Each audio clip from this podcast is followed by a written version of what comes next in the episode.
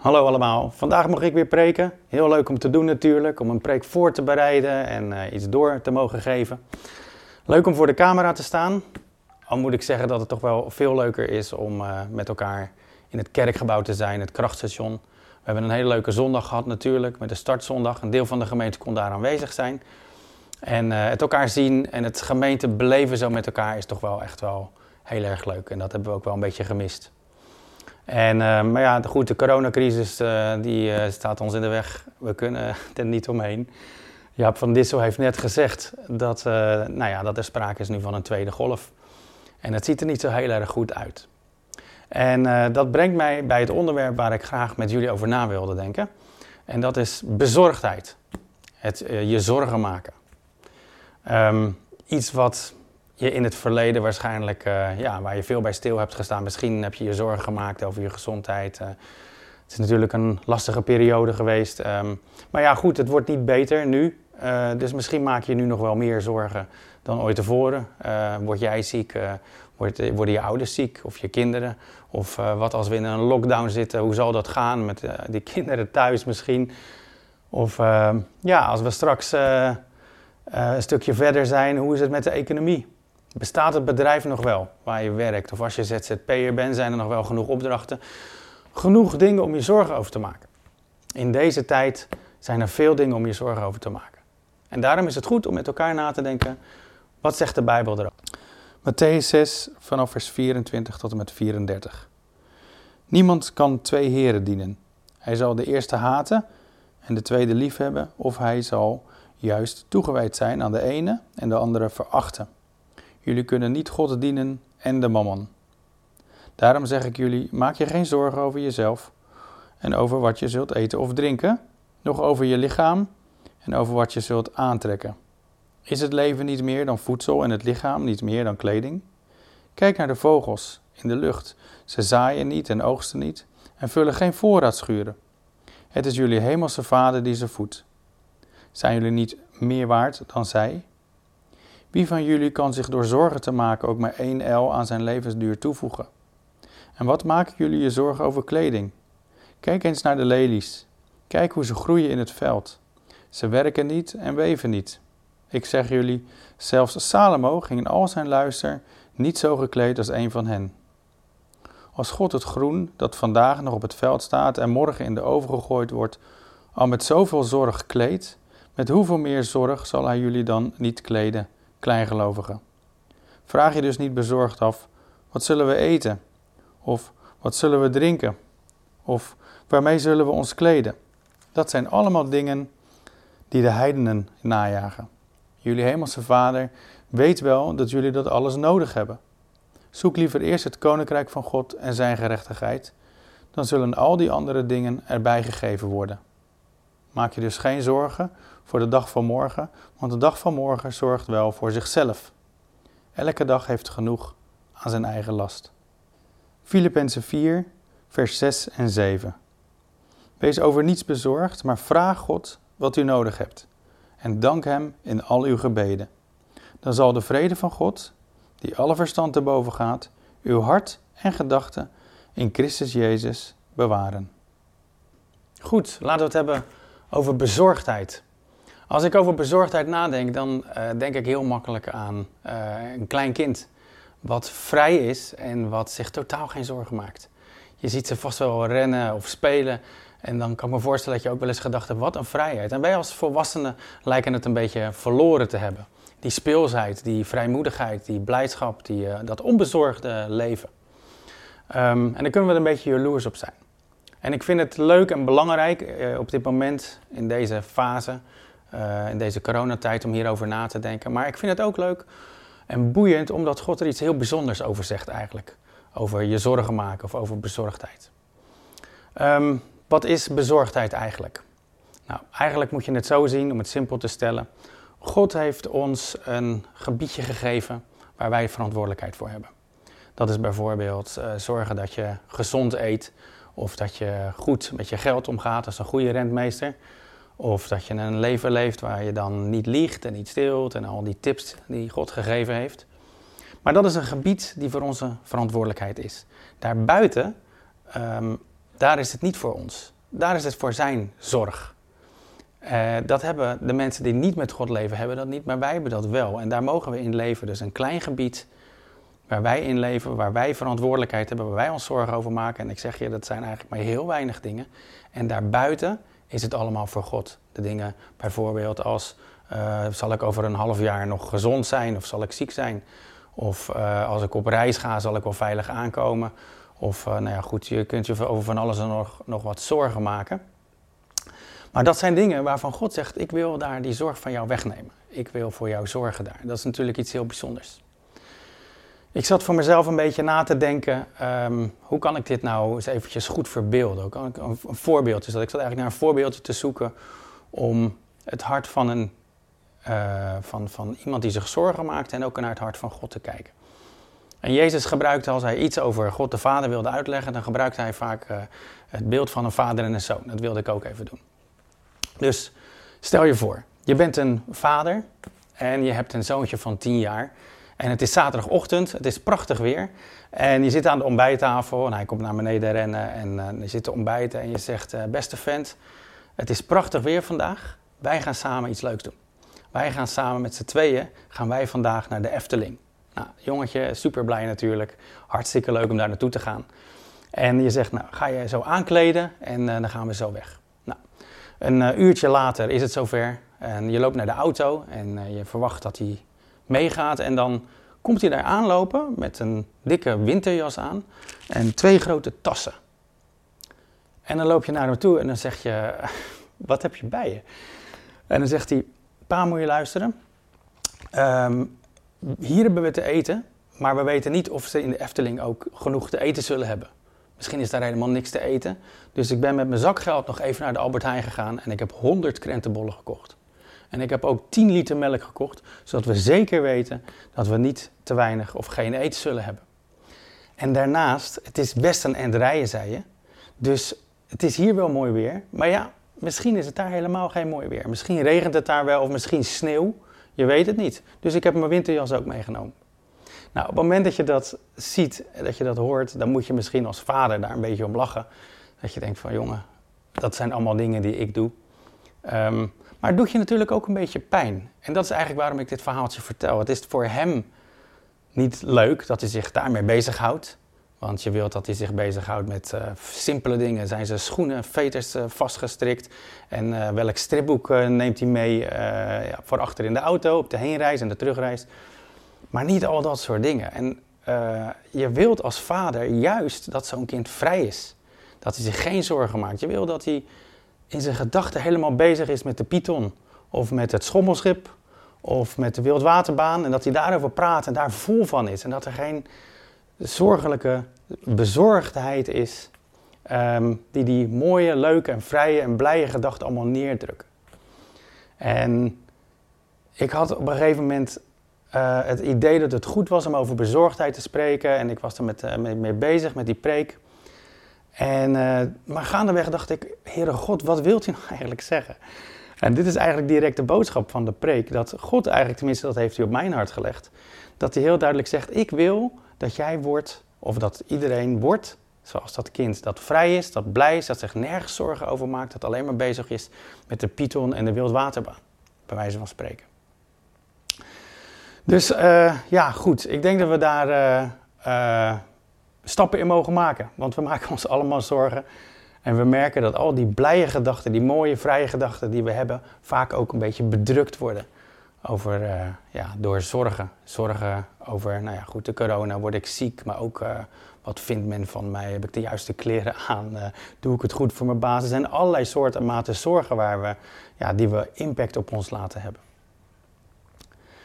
Dus we moeten kiezen. We moeten kiezen of uh, die zorgen, die, die, laten we zeggen die verantwoordelijkheid bedoel ik, dat gebied wat, wat niet bij ons hoort, uh, of we ons daar nog mee bezig willen houden of niet. Of dat we in staat zijn en het lef hebben om dat bij God te laten. Nou, um, dat is niet gemakkelijk. We zitten in een crisis, in een coronatijd. Um, we, moeten, we zijn zelf geneigd om uh, overal over na te denken en overal voor te willen zorgen. Maar daarnaast leven we ook nog in een maatschappij die heel veel negativiteit op ons pad brengt.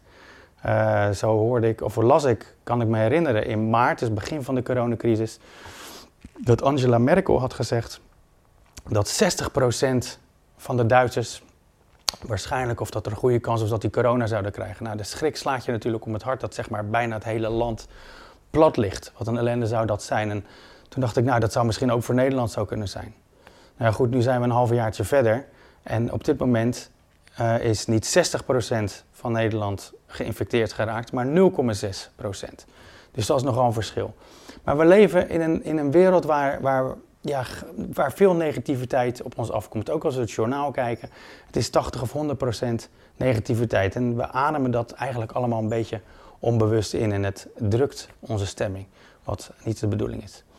Nou, ik zei al, um, God wil hier iets uh, scherps over zeggen. Jullie hebben het al gelezen, maar ik wil er nog eventjes kort bij stilstaan. Matthäus 6 en Filippenzen 4. In Matthäus uh, 6 um, zegt Jezus, uh, niemand kan twee heren dienen enzovoort. Dus je kunt niet op je eigen geld of je eigen kracht vertrouwen en op God. Je zou echt een keuze moeten maken. Maar hij zegt heel duidelijk, maak je geen zorgen. Dus dat is, dat is heel veel, want je, je zou toch denken van natuurlijk kun je wel een beetje zorgen maken. Maar God is hier heel scherp. Hij zegt, ik wil dat je geen zorgen maakt. Dat zegt hij in Matthäus 6. En wat ik ook bijzonder vond uit Matthäus 6 is dat hij zei van... Uh, jullie hebben een vader in de hemel. En wij mogen niet leven alsof, we, als God, alsof God er niet is. Want hij zegt er heel duidelijk bij, dat is waar de, wat de heidenen najagen. Om alles te kunnen controleren. Om overal je voor verzekerd te hebben, om genoeg geld te hebben, om, om het allemaal te kunnen uh, controleren. Uit angst. Dat is waar de heidenen zich mee bezighouden. En uh, zo is het niet voor ons. En hij zegt er natuurlijk gelijk iets geweldigs mooi bij. Namelijk, richt je op het koninkrijk van God. Richt je op God. En alles zal je gegeven worden. Dat is natuurlijk ook een heel stevig woord. Alles, alle andere dingen zullen je daarbij gegeven worden. Dus wat, wat, wat haal ik hier uit? Jezus is heel scherp en hij zegt heel duidelijk: het hoort er niet bij, bij het christelijke leven, om je zorgen te maken. Dan ga ik eventjes naar Filippenzen 4. Ehm, daar zegt Paulus uh, tegen de Filippenzen, tegen de gemeente in Filippi, eigenlijk hetzelfde. Um, hij zegt het op een andere manier, dat wel. Ietsje scherper. Hij zegt: Wees over niets bezorgd maar vraag God wat je nodig hebt en dank Hem in al uw gebeden. Dus dat is nog, eigenlijk nog scherper verwoord dan hoe Jezus het zei. Wees over niets bezorgd. Maar vraag wat je nodig hebt en dank Hem in al uw gebeden. En dan staat erbij, dan zal de vrede van God, die alle verstand te boven gaat, uw hart en uw gedachten in Christus bewaren, staat er in de NBV. Dat is een oud woord, oud Nederlands woord voor beschermen. En misschien ken je dat wel. Ik ken dat zelf best wel goed dat als ik me ergens zorgen over maak, dan ga ik bidden en dan ga ik ook danken of aanbidden. Eigenlijk is het danken wat hier staat, het is een vorm van aanbidden. En dan is het net alsof je, alsof je bijna een helm op hebt. Dat er bepaalde gedachten wel op je afgevuurd lijken te worden. Ze komen wel binnen, je denkt er wel aan, maar je wordt er niet meer onrustig van. Het raakt je niet meer. Je blijft in die vrede. En dit is dan ook eigenlijk direct de kernboodschap van wat ik mee zou willen geven in deze preek vandaag dat um, God van ons vraagt om niet bezorgd te zijn, maar om te bidden en te aanbidden. Dus we moeten ons geen zorgen maken. Dat is de ene kant. De antidote of het tegengif of de tegenhanger, hoe je het wilt noemen, is bidden en aanbidden. Je kunt je op de omstandigheden richten of je kunt je op Jezus richten. Je kunt je zorgen maken of je kunt bidden en aanbidden.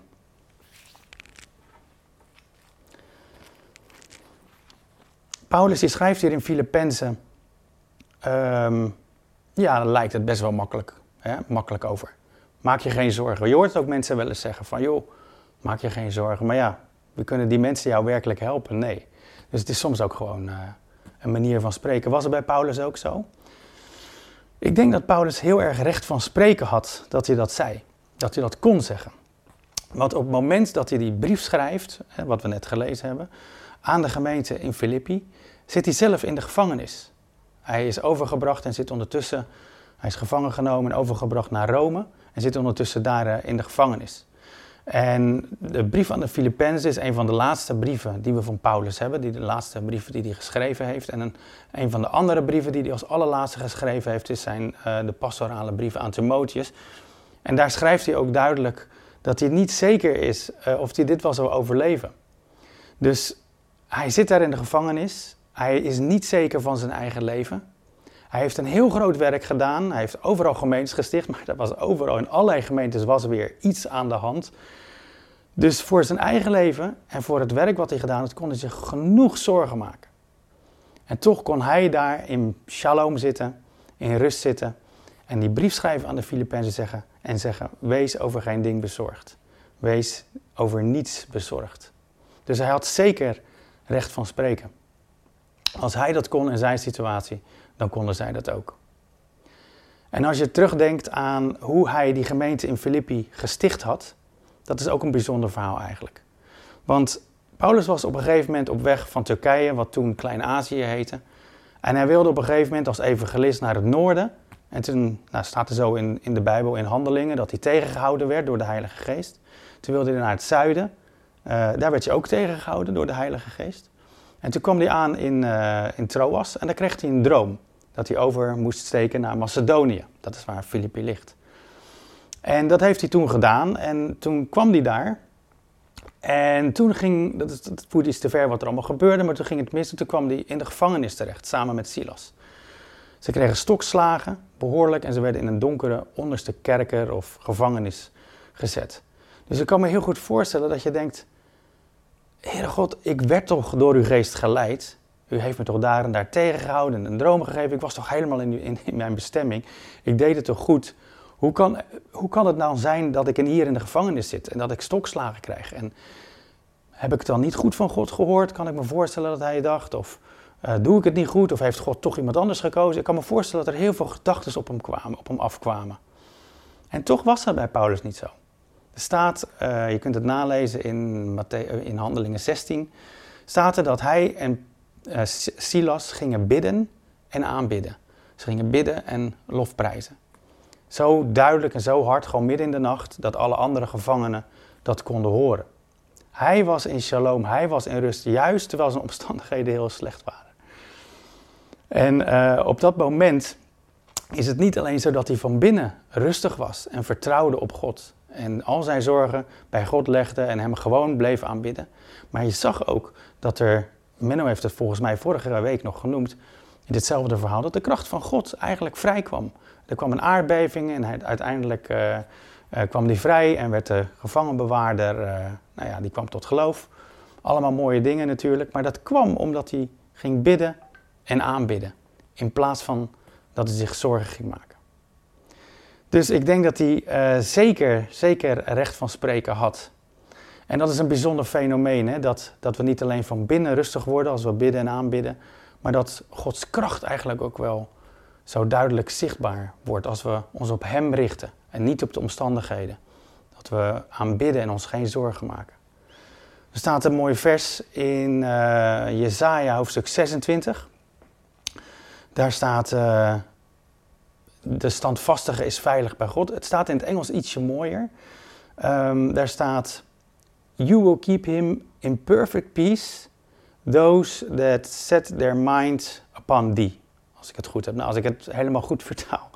Als ik het zelf vrij zou vertalen, dan staat er: um, U houdt hem in volmaakte vrede, die zijn denken of zijn aandacht op u gericht houdt. En dat lezen we eigenlijk door de Bijbel heen. Dat het zo belangrijk is om niet naar de omstandigheden te kijken, maar ons denken op Jezus gericht te houden. Dat zien we bijvoorbeeld ook um, bij uh, Petrus, die door Jezus uitgenodigd wordt om op het water te lopen. Uh, natuurlijk prachtig als Jezus zegt kom en uh, hij gaat over dat water lopen. Maar dan kan, op dat moment kan Petrus kiezen. Of ik blijf naar Jezus kijken en ik blijf op God gericht. Of ik ga naar de omstandigheden kijken, die helemaal niet rooskleurig waren. Want ze waren op dat moment in een storm. En nou ja, goed, we weten het, we kennen het verhaal. Petrus vergist zich en die begint naar de storm te kijken, de wind. En hij denkt, dacht misschien, ik kan niet goed zwemmen en wat als? En hij zakt door het water. En juist was Gods kracht daar zichtbaar, daar waar hij op Jezus gericht, gericht bleef. Dat is iets waar wij toe uitgedaagd worden. En ik kan me voorstellen dat je denkt van ja, uh, Lucas, uh, zorgen maken, ik, ik, kan het niet zomaar, ik kan het niet zomaar loslaten. Ik denk dat Gods kracht, zowel in je hart als in de omstandigheden, echt vrijkomt op het moment dat je echt je zorgen bij Hem legt en uh, Hem aanbidt. Maar goed, het lukt ons niet altijd. Maar dan mogen we weten dat Jezus zijn hand uitstrekt en ook Petrus weer uit het water trekt. En zo doet hij dat met ons ook. Goed, um, ik wil gaan afsluiten. Um, ik wil voordat ik afsluit twee verhaaltjes vertellen. Twee korte verhaaltjes over wat aanbidding doet. Het is voor mij soms een, een, een, een, uh, ja, een beetje groot fenomeen dat ik niet zo goed begrijp van wat, wat, wat zetten we nou eigenlijk allemaal in werking als we God aan het aanbidden zijn. Twee verhaaltjes. Het eerste verhaaltje is van uh, het moment dat ik uh, met een aantal mensen van de Vineyard naar een concert, concert ging van Jesus Culture. Ik weet niet of je die kent, maar dat is een grote band in Amerika, in de christelijke wereld heel populair. En ze waren toevallig een keer in Nederland, dus wij met, ja, ik denk wel tien of twintig mensen waren we daar naartoe. En ik kan me herinneren dat we daar zo stonden en iedereen was aan het aanbidden en aan het meezingen met al die bijbelverhalen. Wat zeg ik, liederen. Um, en um, op een gegeven moment eh, merkte ik dat er een, een, gedachte bij me binnenkwam over iemand die iets tegen mij gezegd had. En dat, dat irriteerde me eigenlijk een beetje. En dat, uh, dat werd groter en sterker en ik merkte dat ik niet mee kon komen. Iedereen was lekker aan het aanbidden en ik stond daar een beetje te sikkeneuren eigenlijk. Ik stond daar een beetje geïrriteerd te zijn. En het werd sterker en sterker en uh, nou ja, goed, ik probeerde een beetje mee te zingen, een beetje mee te luisteren. Toen merkte ik langzaam dat die nare gedachte over wat die persoon tegen mij had gezegd steeds minder uh, prominent aanwezig was of steeds minder irritatie gaf. Tot ik op een gegeven moment, uh, laten we zeggen tien minuten of een kwartier verder, dat ik daar was waarbij die gedachte het eigenlijk helemaal niet meer was. En toen dacht ik terug, toen dacht ik, hé, hey, ik heb me net een kwartier geleden enorm zitten irriteren aan iets, maar als ik er nu aan terugdenk, was het al lang niet zo'n vervelende opmerking. Hoe kan het nou zijn wat, zit, wat is er in de geestelijke wereld dat iets mij zo donker kan maken? Het gaf mij in ieder geval het idee van als wij ons op iets slechts richten, het lijkt wel of de geestelijke wereld, de, duistere kans, ons helpt om steeds meer negatief in een spiraal naar beneden te denken. Maar goed, ik was aan het aanbidden. Ik draaide terug, ik werd positief. Ik had helemaal geen problemen met die opmerking die gemaakt was. En je voelde op een gegeven moment een soort dat de, de lucht dik was. Dat hoor je ook wel eens zeggen, als Gods aanwezigheid uh, voelbaar is. Uh, en op een gegeven moment zei een van de zangers van jongens, uh, we stoppen eventjes met aanbidden, we stoppen eventjes met zingen. laten we voor elkaar bidden. Laten we gewoon de hand op elkaar leggen. En dat gingen we allemaal doen. En er werden op dat moment allerlei mensen genezen. En ik weet nog dat een vriendin tegen mij zei van... joh, ik heb wat twee of drie mensen genezen... waarvan één zomaar alleen door die persoon aan te raken. Dus wat gebeurde er nou in de atmosfeer? Dat je aan de ene kant zo negatief kan zijn... maar als je dan een tijdje aan het aanbinden bent... dat je dat eigenlijk kwijtraakt. Toch, laten we zeggen, in de realiteit komt. Zo mag ik dat wel noemen, want ik was, was gewoon niet reëel hoe negatief ik aan het denken was daarna in één keer vrij en blij bent. En dat er gewoon vrijheid is om voor elkaar te bidden. Uh, en dat er ook nog allerlei mensen door genezen. Dus dat, uh, dat zette mij wel stil bij de kracht van God echt aanbidden. En ook een tijdje volhouden. Het heeft soms even tijd nodig. Het tweede verhaaltje uh, wat ik wil vertellen is van een clipje op YouTube. iemand in mijn huisgroep stuurde dat, uh, zette dat in de appgroep. En dat had ze gezien en vond ze bijzonder. En dat is een getuigenis van Carol Arnold. En Carol Arnold is een van de gemeenteleiders van de, wat je vroeger de Toronto Airport Vineyard noemde. Dat was een vineyard, net als wij een vineyard zijn. En, maar goed, later hebben ze een andere naam aangenomen. Nu heten ze Catch the Fire. En zij vertelde dat zij ja, innerlijke genezing nodig had en dat ze een heel traject doorlopen had. Een, een, een leven met God, waarbij God allerlei dingen aan haar had laten zien. En zij vertelde, dat, zij vertelt in dit verhaaltje dat zij haar levensverhaal, uh, haar genezing, vertelde aan, uh, aan een vriend. En die was arts, dokter, die had patiënten. En die vertelde dat hij zelf ook een stuk, stuk genezing had meegemaakt, een genezingsproces. En dat God op een gegeven moment tegen hem had gezegd: Ik wil dat jij mij elke tien minuten gaat aanbidden. En dat had hij goed gehoord, ehm, maar vond het ook lastig. Want ja, je, je, doet de hele dag van alles en nog wat. Je kunt niet elke tien minuten eventjes uh, God gaan aanbidden. Maar hij had het toch te harte genomen. En het had waanzinnig positief gewerkt. Zo bijzonder dat hij als arts nu tegen zijn patiënten zegt van ik wil, hij heeft uh, stevige, laten we zeggen, het zijn terminale patiënten. Hij zegt ik wil dat je elke dag twee bladzijden uit de Bijbel leest en dat je God elke tien minuten gaat aanbidden. En er zijn allerlei patiënten van hem die zijn dat gaan doen. En nu is het zover dat er elke week vier terminale patiënten, bijvoorbeeld terminale kankerpatiënten, vier per week genezen. Puur door het elke dag twee Bijbelbladzijden lezen uit de Bijbel en God elke tien minuten aanbidden. Dus nou, dat willen wij met de huisgroep ook gaan proberen. Hebben we nog niet gedaan. Uh, we weten niet goed hoe dat zal zijn. Moet je een piepje instellen op je horloge of hoe moet je dat doen? Maar toen ik dat hoorde, dacht ik: wauw, wat een kracht. Wat een kracht zit er in God blijven aanbidden. En niet zozeer alleen dat we Hem groot maken en dat we Hem danken voor alles wat Hij doet. Maar ook om te voorkomen dat er gedachten of patronen in ons leven zijn. Waardoor we gewoon lang de tijd hebben om helemaal down te gaan denken. God wil dat we daaruit komen en ons op Hem richten. En dat we bidden en aanbidden. Goed, dat wilde ik jullie graag meegeven. Uh, de kernboodschap. Uh, overwin je zorgen door te bidden en te aanbidden. Ik hoop dat jullie uh, zullen nadenken over hoe het is als een kind van tien helemaal vrij en blij naar de Efteling gaat. En zich geen zorgen maakt over niets. Want dat is eigenlijk de boodschap die ik op mijn hart kreeg voor jullie. Dat God zegt, ik wil dat je zo vrij bent. Ik wil dat je zo blij bent en zorgeloos bent. Dat is de eerste, um, ja, eigenlijk het belangrijkste wat ik denk dat God ons mee wilde geven. Verder wilde ik als call to action aan jullie vragen, um, wees transparant naar elkaar in de huisgroep of in je vriendengroep.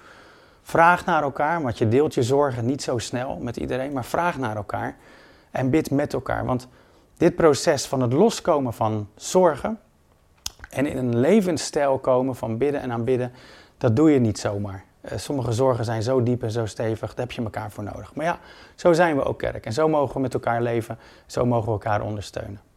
Dus ik hoop dat ik jullie hiermee gezegend heb.